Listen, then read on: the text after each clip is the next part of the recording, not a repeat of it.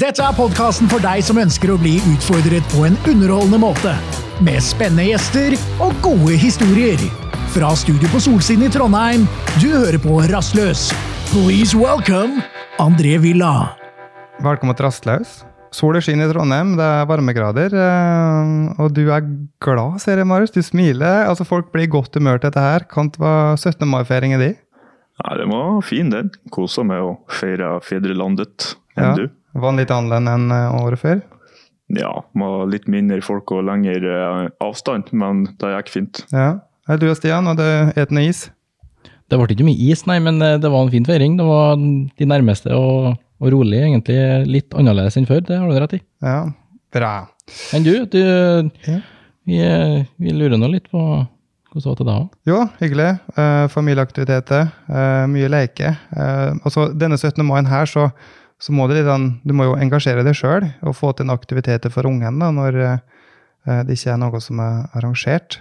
Så eh, deriblant så hadde jeg der eh, ta og føle på-konkurranse med bind for øynene med mitt barn og Rakel sin tanteunge.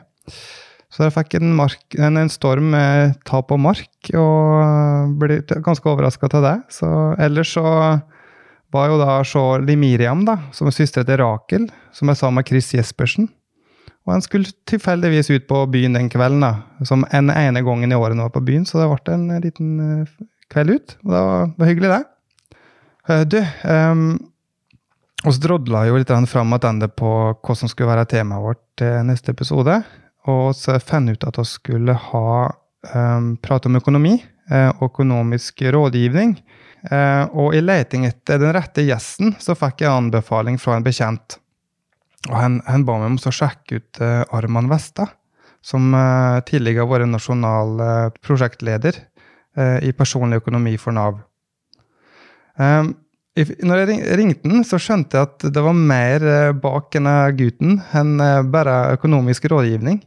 Altså Her var det historie. Jeg hadde ikke hørt om den før. Eh, og fant fort ut at um, her må vi inn og prate litt om livet hans, og så får han dette her med økonomi vente. Um, Arman holder nå foredrag rundt i, i Norge fra, fra sitt liv, med, med fest, dop, vold og trusler og, og fengselsdommer. Han ble da rikskjendis da han fikk en dom på seg for å ha skaffa drapsvåpenet til Orderud-saken.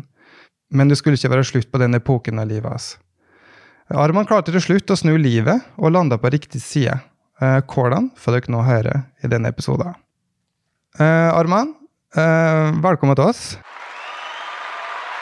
Stian har sin klassiske applaus. takk, takk. Ja, er du ikke den. Du, eh, jeg vil starte med noe ting utenfor manus her. For du kom ganske entusiastisk inn her og akkurat fått ei melding.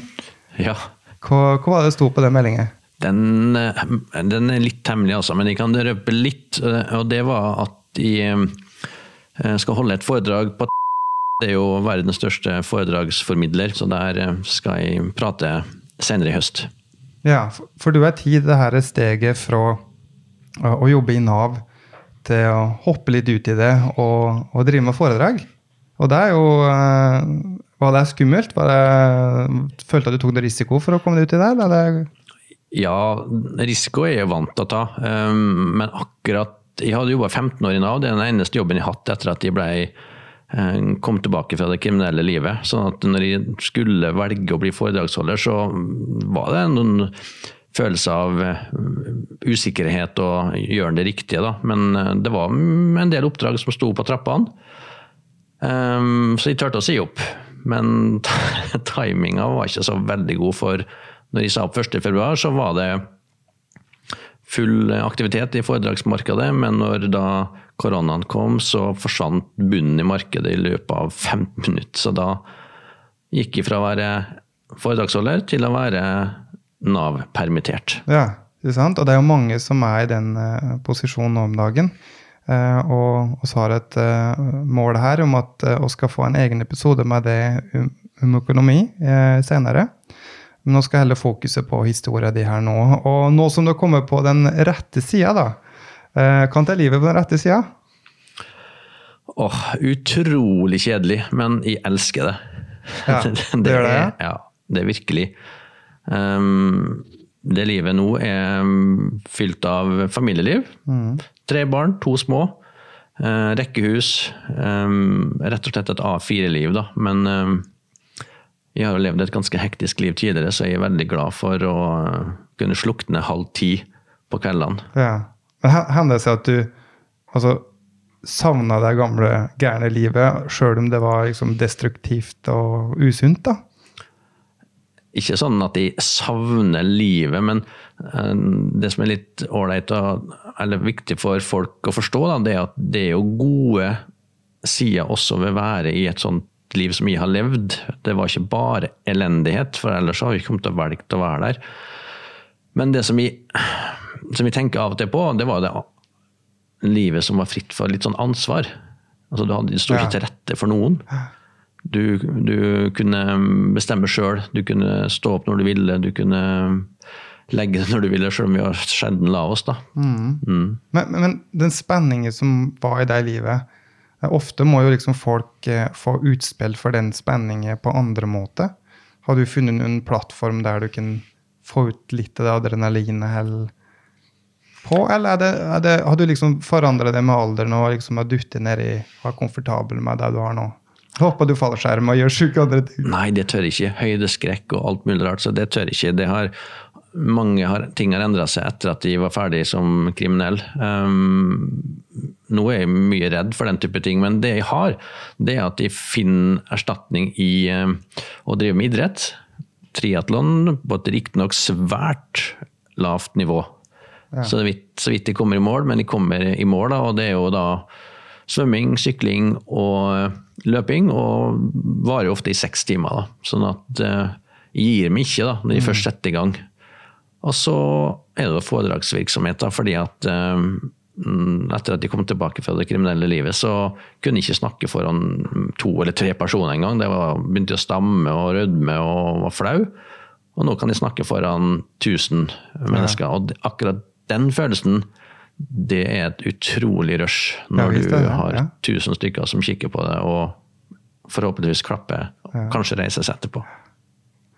Uh, men du, la oss eh, starte litt med, med reisa di, altså med oppveksten din.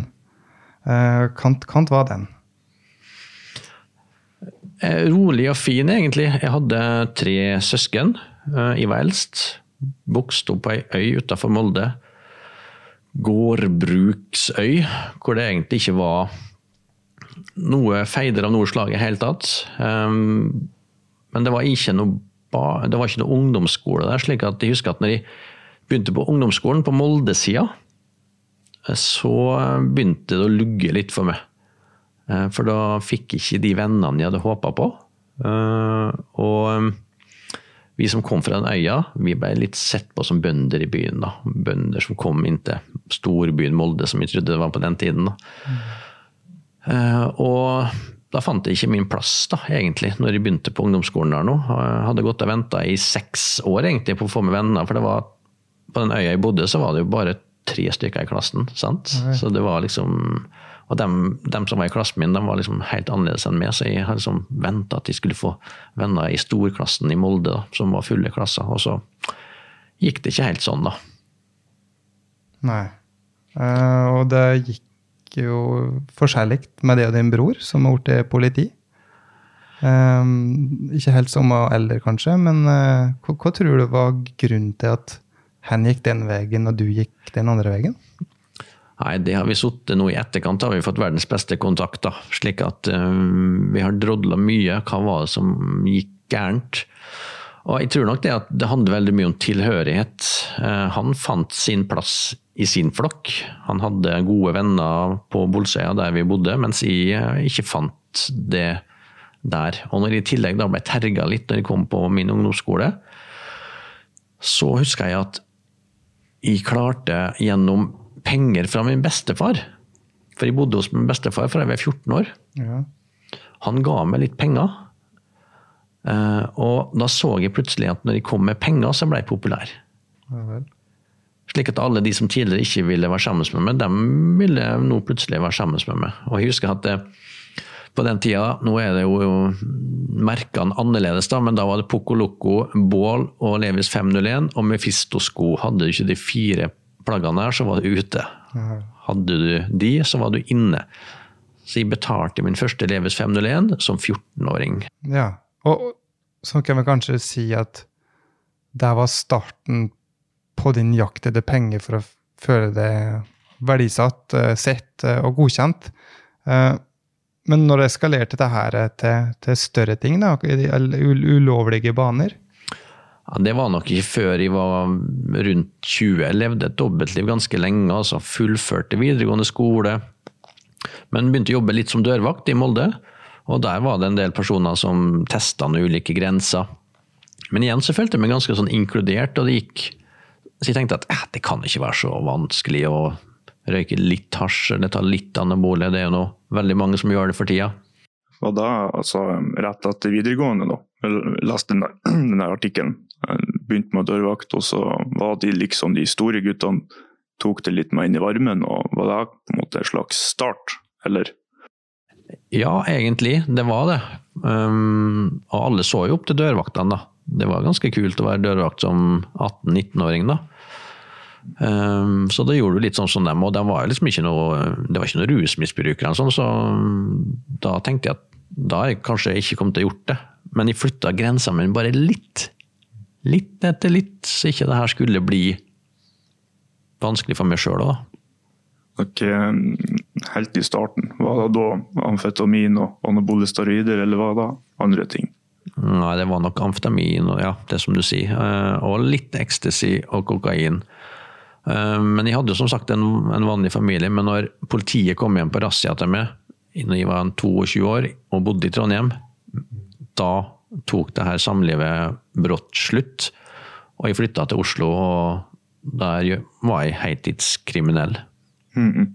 Så altså, når du flytta til Trondheim, så begynte du da å studere og hadde en liten periode da, før Oslo? Hvis vi prøver å tenke eh, 20, da bodde du, da du fortsatt dørvakt, og da i Trondheim? Ja. Ja, ikke sant. Eh, hva studerte du egentlig på den tida? Eh, jeg tok, eh, jeg tok grunnfag og mellomfag i pedagogikk. Og så tok jeg et grunnfag i markedsføring, og så et grunnfag i statsvitenskap. Det var egentlig en gründer da, som, som var på en liten avsporing? ja, egentlig. For de søkte jo også om Jeg stifta et selskap. Utvikla treningsklær for fitnessbransjen. Og fikk støtte fra Innovasjon Norge for okay. godt kreativt arbeid. Det er kult, da. Ja, det var allerede da en sånn liten gründerspire i meg, da. Fortell litt om For da, skjedde jo tydeligvis noe der, da. At du hadde da altså lest noe om spåkonetjeneste. Det var jo flere ting da, i Trondheim som var litt interessant før, før det ble eh, Oslo. Ja, du har lest det, ja. Mm. Ja, Nei, det var mange ting å tjene penger på, da. Og jeg likte jo å utfordre ting som kanskje ikke så mange andre gjorde, da. Eh, og det var jo på den tida lettere enn det er i dag, i hvert fall, å klone andres telefoner. Slik at uh, vi kunne ta inn signal fra andre sine telefoner, slik at de betalte for den oppringninga som vi da foretok. Bl.a. til vår egen teletorgtjeneste da, som spåkone. Og det kosta jo 29 kroner ofte. Og så fikk vi tak i mange andre telefoner som vi hadde liggende, hvor var registrert i andres navn, um, slik at de betalte for regningene. Så jeg er litt interessert i ble det noe penger noen av de artige småprosjektene som så de der? Ja, det, det ble det, altså, men akkurat på den tida så gikk de ganske fort ut igjen, de pengene. da. Mm. Og så var det jo noe med bruktbil. Hvordan fungerte det? Jeg skjønte ikke helt hvordan den, hvordan den svindelen, kan du si, eller businessen, businessmodellen kan vi kalle det, hvordan det fungerte. Finne inspirasjonen din. Altså, de artige tingene, sa du. Men uh, ja, det innrømmer jeg sjøl. Det er litt, sånn, uh, ja, det er litt ja. interessant. Ja, Vi må ta en disclaimer først. da. Altså, ikke ja. gjør dette. Nei, så klart. Ja, absolutt ikke. nei, vi, vi, hadde jo en bråte med legitimasjoner i og med at vi jobba som dørvakter. Og mange brukte jo falske legitimasjoner og la dem igjen og alt dette her, så vi hadde sikkert et par hundre stykker på det meste. Eh, og da fant vi ut at vi skulle kjøpe og selge biler som vi ikke eide. Fant ut på Adresseavisen biler som skulle selges. Ehm, prøvekjørte bilen, fikk låne bilen alene. Sa vi skulle vise den på et verksted. Satt igjen bilen vår i pant, selvfølgelig, så det skulle være noe sikkerhet. For og kopierte nøklene, leverte bilen tilbake igjen og um, sa at vi var ikke interessert. I mellomtida hadde vi da lagt inn en salgsmelding på Biltilsynet. Ordna eh, med ny eier eh, og gammel eier, og så hadde vi ringt oppkjøpere på bil som var interessert i å kjøpe bil billig. Så forklarte vi det til de oppkjøperne at eh, nå skal jeg flytte utenlands og trenger å bli kvitt en bil ganske kjapt, og du kan få en 30 under markedspris, kan du møte med der og der. Ja, det var greit. Når de da ringte Biltilsynet for å sjekke, så hadde de lagt inn salgsmelding, slik at det var jo navnet som jeg hadde oppgitt, som da var legitimasjonen til den jeg hadde fått tak i. Møtte vedkommende, fikk pengene cash og dro av gårde. Ja, det var cash, ja. Mm. Det var cash, ja. Måtte jo være Man tenker litt, eller lurer litt på om hva du følte drev det da? Om det var spenning eller penger eller en kombinasjon? For det høres jo veldig spennende ut, selv om det kanskje ikke var helt sunn eh, forretningsmodell da? Ja, det var, De to der vil de si at det var, men den tredje òg, det å utfordre det som det bestående hadde laga. Altså det å gjøre det så enkelt å kjøpe og selge en bil med å levere en salgsmelding, det burde ikke vært mulig. Så når jeg da fikk det til, så tenkte jeg at da gjør vi det. Men hvordan er det, stoppa du fordi at du ble tatt, eller at det kom at det liksom, du, du, følte at du var nære å bli tatt, eller eh, hva, hva var grunnen til at du stoppa med hver enkelt eh, bedrift? Nei, um, det var nok at den, den geskjeften her var det ganske mange andre som kopierte også. da. Uh, det var jo en ganske god modell og lett å gjøre, og mange gjorde det rundt omkring i Norge, slik at politiet ble ganske oppmerksom på det etter hvert. da. Men jeg ble tatt for én bil, og vi jeg gjorde faktisk ikke så veldig mange flere enn det. Men øh, mm. det var mange andre som gjorde mange flere. Mm. Ja, du hadde jo veldig mye på plass da for å ha en god business. Det var bare litt de etiske retningslinjene, så det er veldig kort imellom, da, syns jeg. Ja, veldig kort imellom. Ja, Så flytta du jo til Oslo etter hvert. Hvor gammel var du da, og hvordan var den perioden? Var det noen årsak til at du flytta? Ja, da var jeg vel en 3-24 år, og da var det fordi at samlivet i Trondheim tok slutt, da, og jeg hadde begynt å få et bra kontaktnett i Oslo. Det var jo liksom Oslo som var plassen, hvis du var glad i å dra på party. Og... Så da fortsatte jeg å bo der.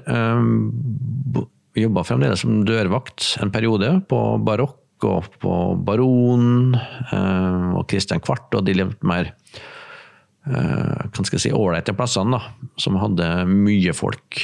Men så var jeg jo da kriminell på resten av tida. Eskalerte narkotikabruken da når du kom til Oslo? Det er kanskje litt mer tilgjengelig og enklere? Ja, veldig. Mm. Veldig. Um, jeg husker at jeg kunne spise 50 ecstasy i løpet av helg. Bare sitte på badegulvet. Uh, og kunne være våken i tre uker i strekk uten å sove. Tre uker? Lenge, da. Ja.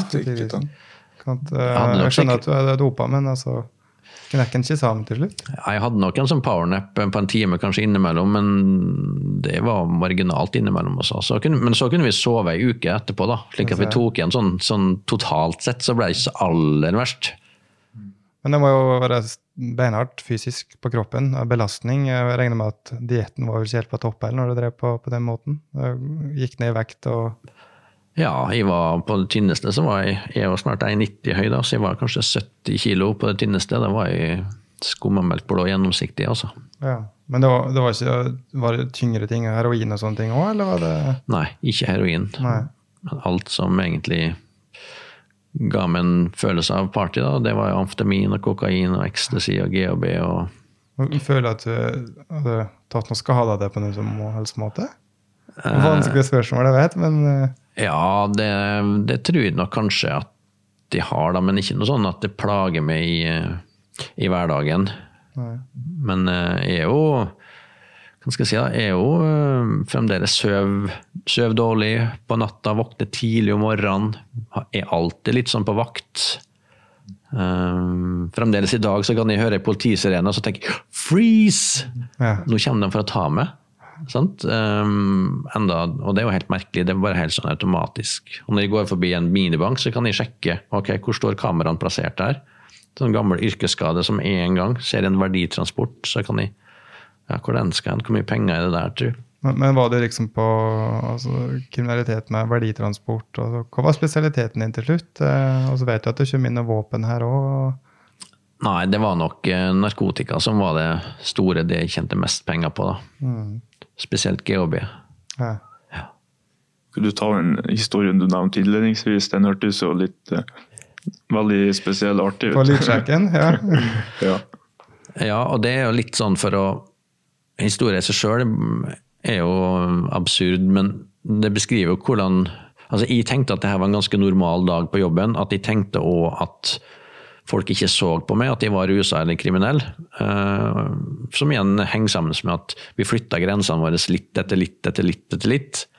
Men på et eller annet tidspunkt så bekka det her selvfølgelig over. da. Og den historien her, det husker jeg da, da bodde jeg på ei sidegate til Karl Johan, og så skulle jeg ut og levere en hel massevis av liter med GHB, som på den tida faktisk ikke var ulovlig. Um, Det ble det ganske kort tid etterpå. da.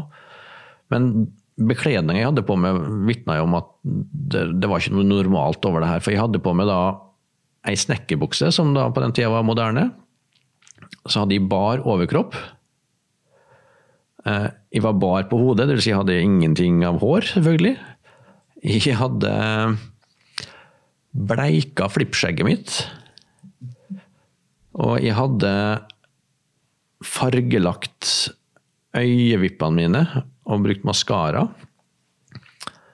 Og jeg kunne ikke ha solbriller over, for folk skulle jo se at jeg var sminka. Eh, Men jeg hadde en slags blanding av snowboard og svømmebriller oppe på panna. Og så hadde jeg selvfølgelig datidens klesplagg, eller skoplagg, som var Buffalo høyhæla sko, sånn 10 cm hæl. Og så gikk jeg da, og vi har, en, vi har en sånn spesiell stil når vi går. vet du.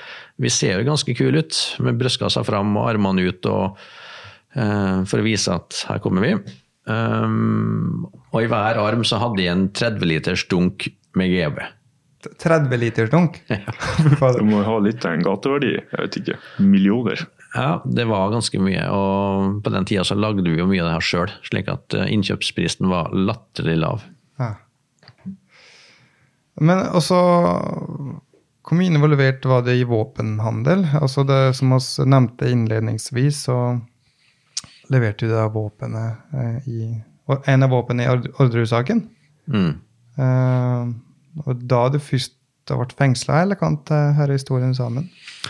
Nei, jeg hadde vært fengsla ganske mange ganger innimellom der, da, men det var først da det begynte å bli skikkelig alvorlig. Eh, Og våpen var ikke noe sånn de holdt på med sånn til daglig, men det var en del av det kriminelle miljøet. som du, ja, Fikk en forespørsel, så gjorde du det, for du gjorde alt du kunne tjene penger på. Og det var litt sånn vanlig å ha våpen den tida, til beskyttelse eller eh, for å brife litt, eller bare for Så du noe gikk med interesse. våpen, eh, Nei, det gjorde det? ikke Nei. Og mange tror at de er kanskje flinke med våpen eller har skutt med våpen, men de treffer ikke på noen ting. Nei. Men altså, de som eh, ikke er kjent med Orderud-saken, kan du veldig kort oppsummere Det er en av de største rettssakene som har vært i rettsvesenet i Norge, har ikke det? Jo, det tror jeg at det er. Eh, Det var tre personer da, som ble drept eh, i pinsa i 99. Hvor, de, hvor det var fire personer som ble dømt for det her. Og hvert fall dømt for medvirkning. De fant vel aldri ut hvem som gjorde akkurat hva. Men det ene våpenet som ble brukt, stamma fra, fra meg, og jeg hadde da skaffa det fra et uh, våpenlager i Molde. Ja. Ja, og da mm, visste du hvem mottakeren var, liksom? Altså, det, Ja, jeg visste jo hvem som skulle, skulle ha det her våpenet, og for da, da, får vi festa sammen med de her menneskene her. Da. Det her var Kristin eh, Kirkemo Haukeland. ja. Sånn at eh, når hun spurte meg om vi skulle ha et, eh, kunne hjelpe henne å skaffe et våpen, så var det grei skuring fra min side. da. Ja. Huh. Wow. Sjukt. Jeg så dokumentaren som gikk på TV om Orderud-saken. Så litt uh, sprøtt at du sitter her i dag, og du som leverte gunneren. Det er ganske spesielt å si liksom, ja, når hun spurte om et våpen, så var jeg grei skuring. Det er, liksom, Det er det. det er litt, det er for oss Kan få tak i et våpen, jo. Ja, det er for, for oss så blir liksom det For mange så høres det liksom så absurd og så, så fjernt ut. eller Juft i eh, altså Denne ene historien du fortalte, der du gikk oppover Karl Johan med GHB-hånda, er historie som kan forklare liksom hvilket state of mind du var til. da, Men har du noen flere sånne historier som kan eh, få folket til å skjønne hva, gift du satt i det på den tida? Uh, ja, det er mange sånne som det der, da. Um, vi satt og leika med våpen. Det høres ut som det var veldig mye våpen igjen, da, men det var våpen i omløp. da, Men jeg var ikke en av de. Um, men det kunne gå av et 45 kaliber skudd i sofaen, f.eks. Og, det, liksom det, og den, det merket må antagelig sitte der enda. Um, jeg, jeg kjenner bare den den sangen Noia bare spiller i, i hodet ja. mitt, og jeg ser armene komme inn og tar skinnhanskene på, liksom. Hvor er kompis? Den, den, den, går på repeat her, altså. Ja, det er ganske sjukt. Eh, men det som er jo mest interessante med hele historien di, er jo um, altså, hva, var det som bestemte deg for å slutte og, og, og inn i det, det, nye livet? da? Hva var det som, altså Når fikk du nok? Og hva var det som gjorde at du bestemte at nå er nok, nå skal jeg slutte med det her? Ja, Det er et godt spørsmål. Mange trodde jo at det faktisk var når ordresaken kom opp. da. For, for, det var ganske mange i det her persongalleriet. Det var veldig mange kriminelle som var involvert i Orderud-saken. Og mange av de slutta da, med rus og kriminalitet etter den saken. De skjønte hvor alvorlig det her faktisk var. Um, men ikke jeg. Nei. Jeg fortsatte en god stund til etterpå. Og når jeg først ble involvert i den Orderud-saken, mot min vilje, da, eh, for jeg visste ikke hva våpnene skulle brukes til, så tenkte jeg du verden, hva er det jeg kan gjøre nå for å bruke den saken her nå, for å skape meg enda bedre betingelser for mitt virke? Så jeg snakka både med VG og Dagbladet. Jeg spurte om de ville ha min side av saken, og det var ikke noe, det var ikke noe vanskelig å be på akkurat det. Slik at livet mitt ble bretta ut da, på nytt uh, de, på første sidene. Og det gjorde to ting. Det var to ting som vi ville oppnå. Det ene var at jeg skulle sende et signal til mitt gamle liv om at det livet jeg nå lever, er det beste livet jeg kan ha. Det her jeg vil være. Ikke prøve å få meg tilbake. Wow. Og mora mi, altså Det er klart at i dag så er det ganske vondt å tenke på at jeg sa jo bl.a. på første side av VG at jeg er notorisk kriminell. Og det er ikke noe det er ikke noe sånn kjempesak for en mor eller en far å se at sønnen sier det. Og den andre tingen jeg ønska å gjøre med å stille opp i VG og Dagbladet med det her, det var at jeg ønska å sende et signal til det kriminelle miljøet. At jeg var pistolmann. Eh, og det gjorde jo at på oppdrag så betalte folk alltid penger til meg. Hvis det var en narkohandel eller noe sånt, de skulle krite, så kom pengene alltid inn. Så navnet sprang litt i forkant. Mm. Sånn at um, at de skulle snu livet mitt, det var det ingen som trodde i det hele tatt. Men så satt de en gang Jeg hadde et sånt lite håp en gang om at de skulle få et normalt liv. Men jeg husker at jeg hadde et uh, ordentlig dårlig øyeblikk. Jeg satt i Bergen fengsel inn i millenniumsåret 2000. Og da var vi på mitt laveste. Altså, da var jeg Da hadde det gått fort etter ordresaken. Um, jeg hadde fremdeles en viss status i det kriminelle miljøet, men jeg hadde rusa meg så innmari mye. Tatt så mye i gangen og kjørt meg så hardt at da hadde jeg egentlig bare mest lyst til å kutte, kutte livet. da. Og da så jeg at eh, ja, jeg hadde ikke noen sjanse til å kunne klare å komme videre. Jeg hadde sånn lite håp, men ja, Men var du, var du så lavt at du faktisk prøvde å ta et eget liv? Ja, I Bergen fengsel så gjorde det riktignok et svært dårlig forsøk, men det var nok et mer et skrik om hjelp, da. Ja vel. Dårlig Ja, dårlig i den forstand at de prøvde å drikke noe grønnsåpe eller Zalo eller noe sånt. Så okay, det, det, okay. Ja, for jeg hørte noe Og det ville frem til det. ja, det funker ganske dårlig. Det stopper liksom, Halsen stopper når du får i en viss mengde Zalo, lenge før døden inntreffer. da. Når jeg da satt på cellegulvet der og ja, tenkte på alle som feira nyttårsaften ute. Mm, som fargela himmelen med nyttårsraketter, liksom. Og nyttårsforsetter. Så tenkte jeg at det her har ikke noe tro på at jeg skal oppleve sjøl. Da var jeg liksom helt på i kjelleren. Men bare noen måneder etterpå, ute fra fengselet, så kom politiet og skulle arrestere meg. Og det som skjedde da, det var at istedenfor å arrestere meg sånn som de gjorde hele tida, så ble en ene politimannen sittende og prate med meg. Og jeg klarer faktisk enda å kjenne på den følelsen som han ga meg når han satte ned og brydde seg om meg. da.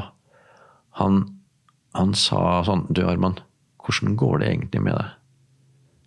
Det ser ikke så bra ut, dette her, men du skal vite at jeg skal gjøre det jeg kan for å hjelpe deg hvis du vil ha hjelp.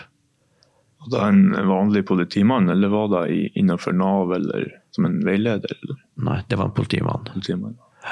han altså Vi husker på at han er Ivar Skurke, han var politi. og At det er to verdener som plutselig klarer å smelte sammen i et sånt øyeblikk som det er, det, det er nesten vanskelig å tro. Og det møtet varte bare noen få minutter. og Det var ikke at han ikke kasta meg i fengsel etterpå, for jeg hadde gjort De kom jo for å ta meg, men han uh, sjekka først at jeg kunne sitte på glattcelle, at jeg var frisk nok til å gjøre det. Um, og han kom faktisk og besøkte meg dagen etterpå på cella, for det sa han at han skulle gjøre. Jeg tenkte han kommer aldri. Når, han, når jeg er borte nå, så glemmer han dette her. Men han kom. Og det forteller, altså, Da så jeg et menneske som imponerte meg veldig, og da begynte jeg faktisk å få trua på at andre kunne bry seg om meg. da. Og så hadde jeg Livet snudde ikke helt da, men da fikk jeg liksom ok, det er noen som bryr seg om meg. Så når jeg da satt i fengsel på nytt, så møtte jeg en ny person i fengselet som brydde seg veldig mye om meg. da. Hadde mange fine prater med meg, og hun prata veldig mye, husker jeg. Men jeg hadde ikke noen mulighet til å stikke av heller, så det var, så var det for så vidt greit. Men hun tok med meg ut av murene i Molde fengsel. Mette het hun her. Ja, ansatt, altså. En ansatt, ja. Og hun eh, og dere må huske på at det var på tida hvor jeg var ordremann, og, og våpna kom fra Molde, så jeg var ganske kjent i Molde. Og hun gikk med meg i gatene uten håndjern, uten noen ting. Hadde jeg stukket av der, så hadde hun fått big trouble. Men det beit jeg meg merke i, så hun gjorde et eller annet som og skapte enorm tillit til meg. Som gjorde at de, hun kunne si og gjøre hva hun ville med meg.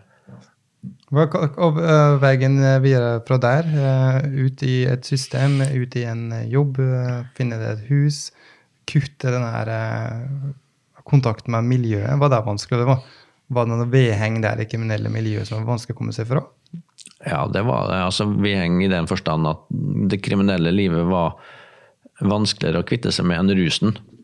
Ja, ok. For den følelsen av å ha en, en betydning um, i et miljø, selv om det var et dysfunksjonelt miljø, så var det i alle fall noe der.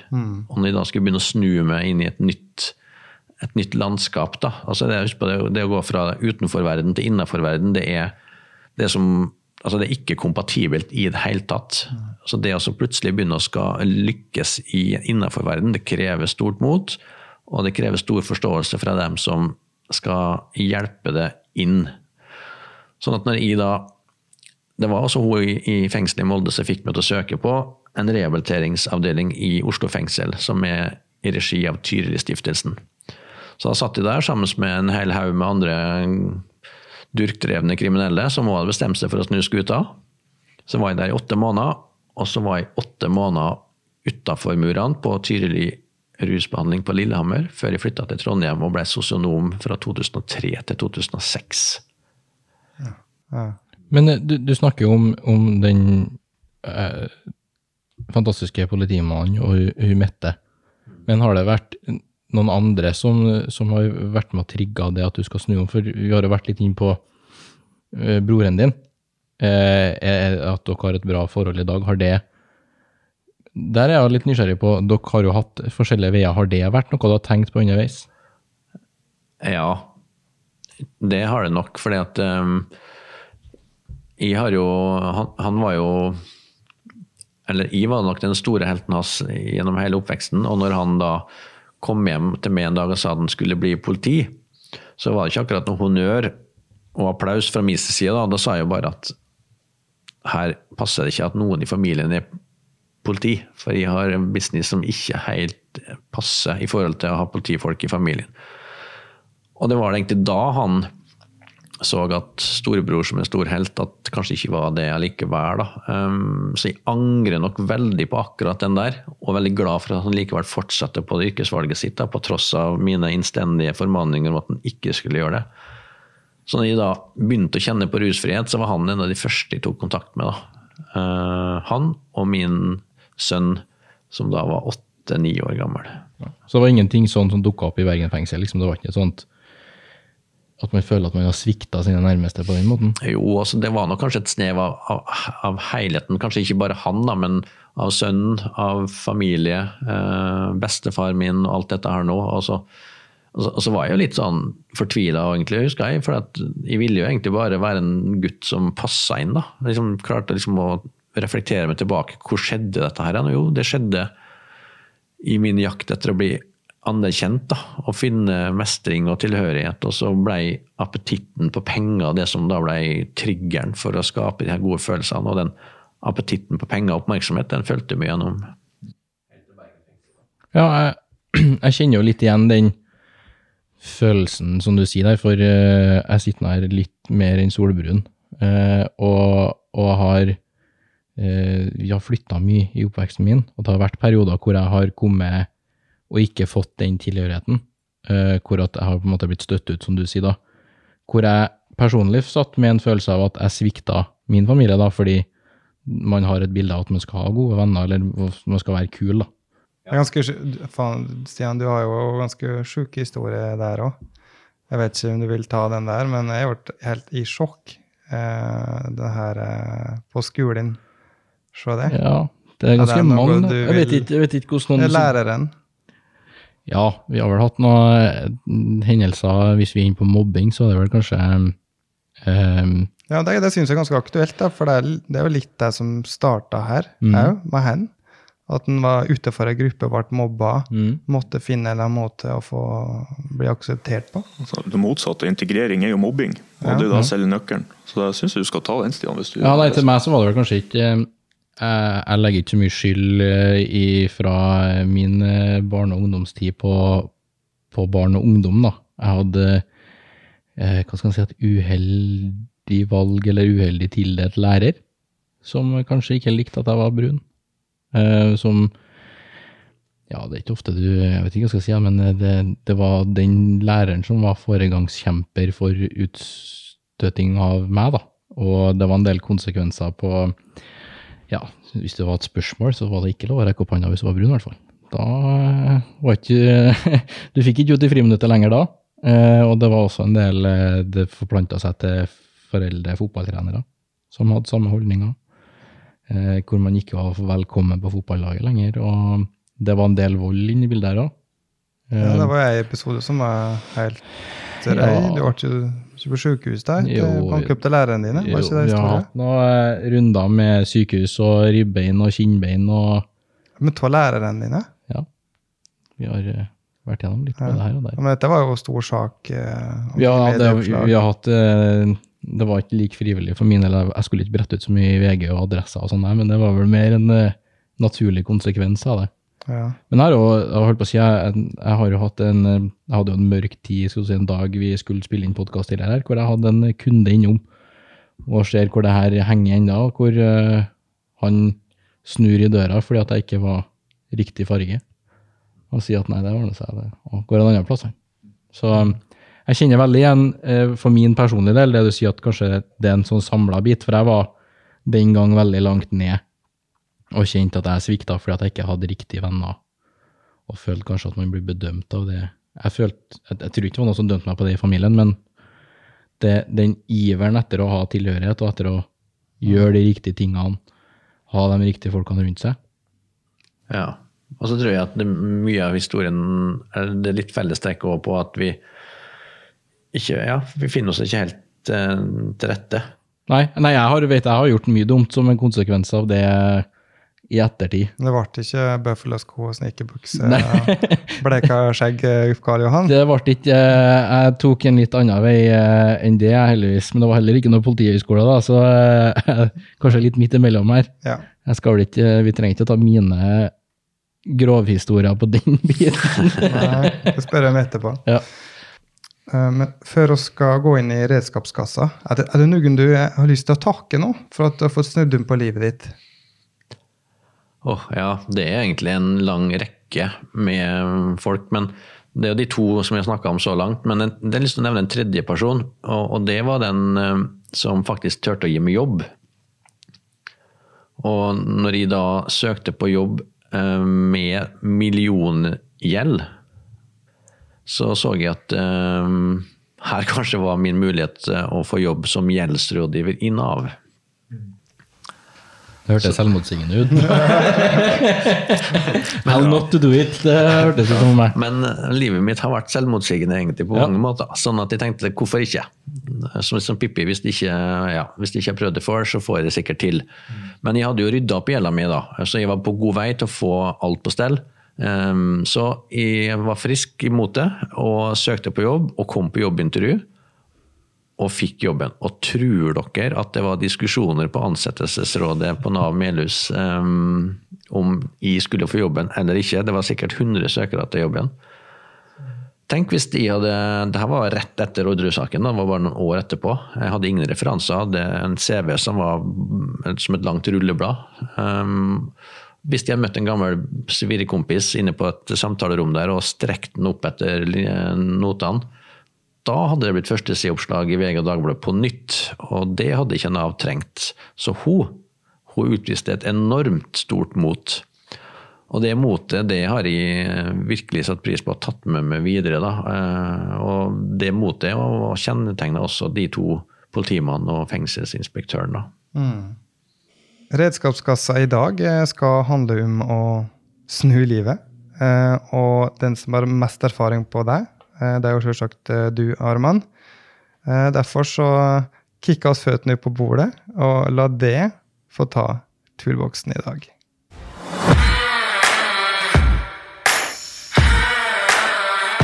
Eh, altså Hvis det har lyttere her da, som har lyst til å snu om på livet sitt, eh, hvilke råd har du kommet med her? Eh, hvilke metoder fungerte for det? Den viktigste enkeltstående faktoren, det var at de da turte å be om hjelp. Da. At de eh, For det er så mange ting, i hvert fall i mitt liv og i mange andres liv, eh, som skal endres. At du klarer ikke å gjøre det alene.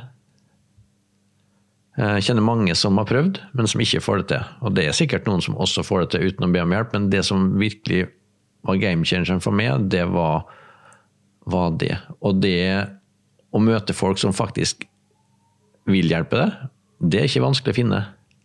De aller, aller fleste vil hjelpe. Og så nå som du har fått eh, hjelp, da. eh, Du kan jo få hjelp til en del, men en del må du vel faktisk håndtere sjøl òg. Mentalt, måten å tenke på. Altså hva kan, kan er veien videre etter du har fått den hjelpen? Ja, det er helt sant. Sånn at jeg, jeg har jo en viss disiplin. Um, og jeg har jo ikke rusa meg etter at jeg bestemte meg for å kutte. Og jeg har ikke gjort kriminelle ting, så vidt jeg vet. Jeg har ikke engang gått på rød mann, tror jeg, egentlig. På, så jeg prøver å holde min sti rein.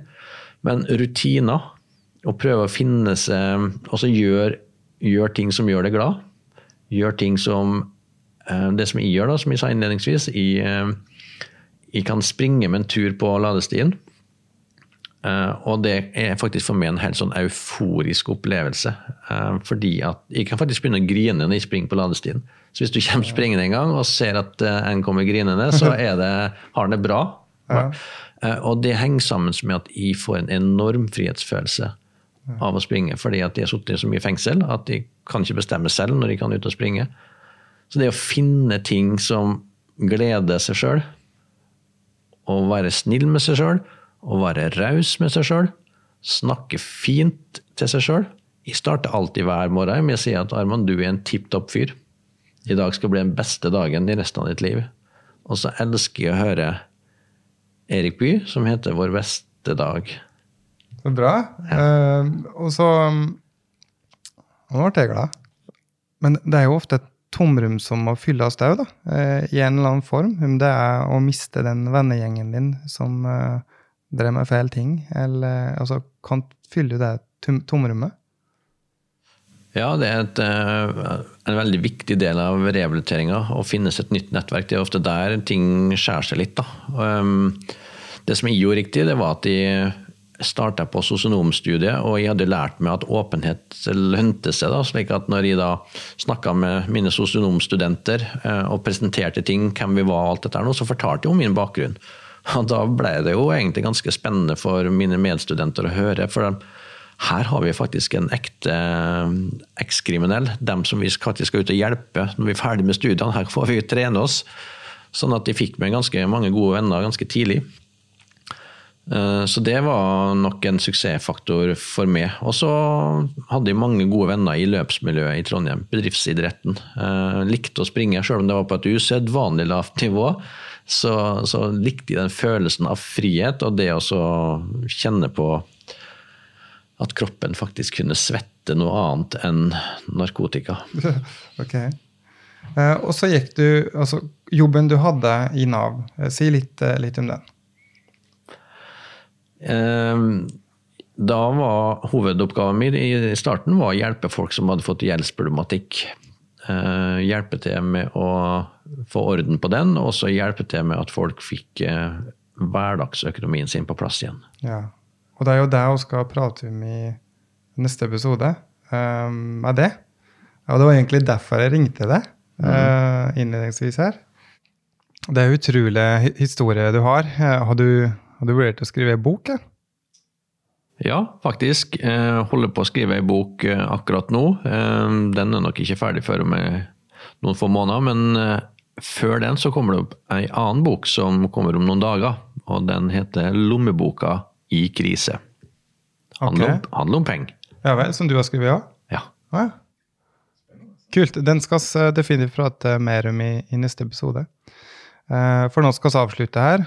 Og hvis du hører, da, så uh, klirrer det godt i halvliteren nede på Løkka kafé her. Men drikker du den der? Jeg kan ta en øl eller to, ja. Jeg skal gå ta en øl, da. ja. ok, ha det bra. Ja, da har du hørt på Rastløs med André og Marius her. Vi er direkte fra Trondheim. Tusen hjertelig takk for at du har tatt deg tid til å høre på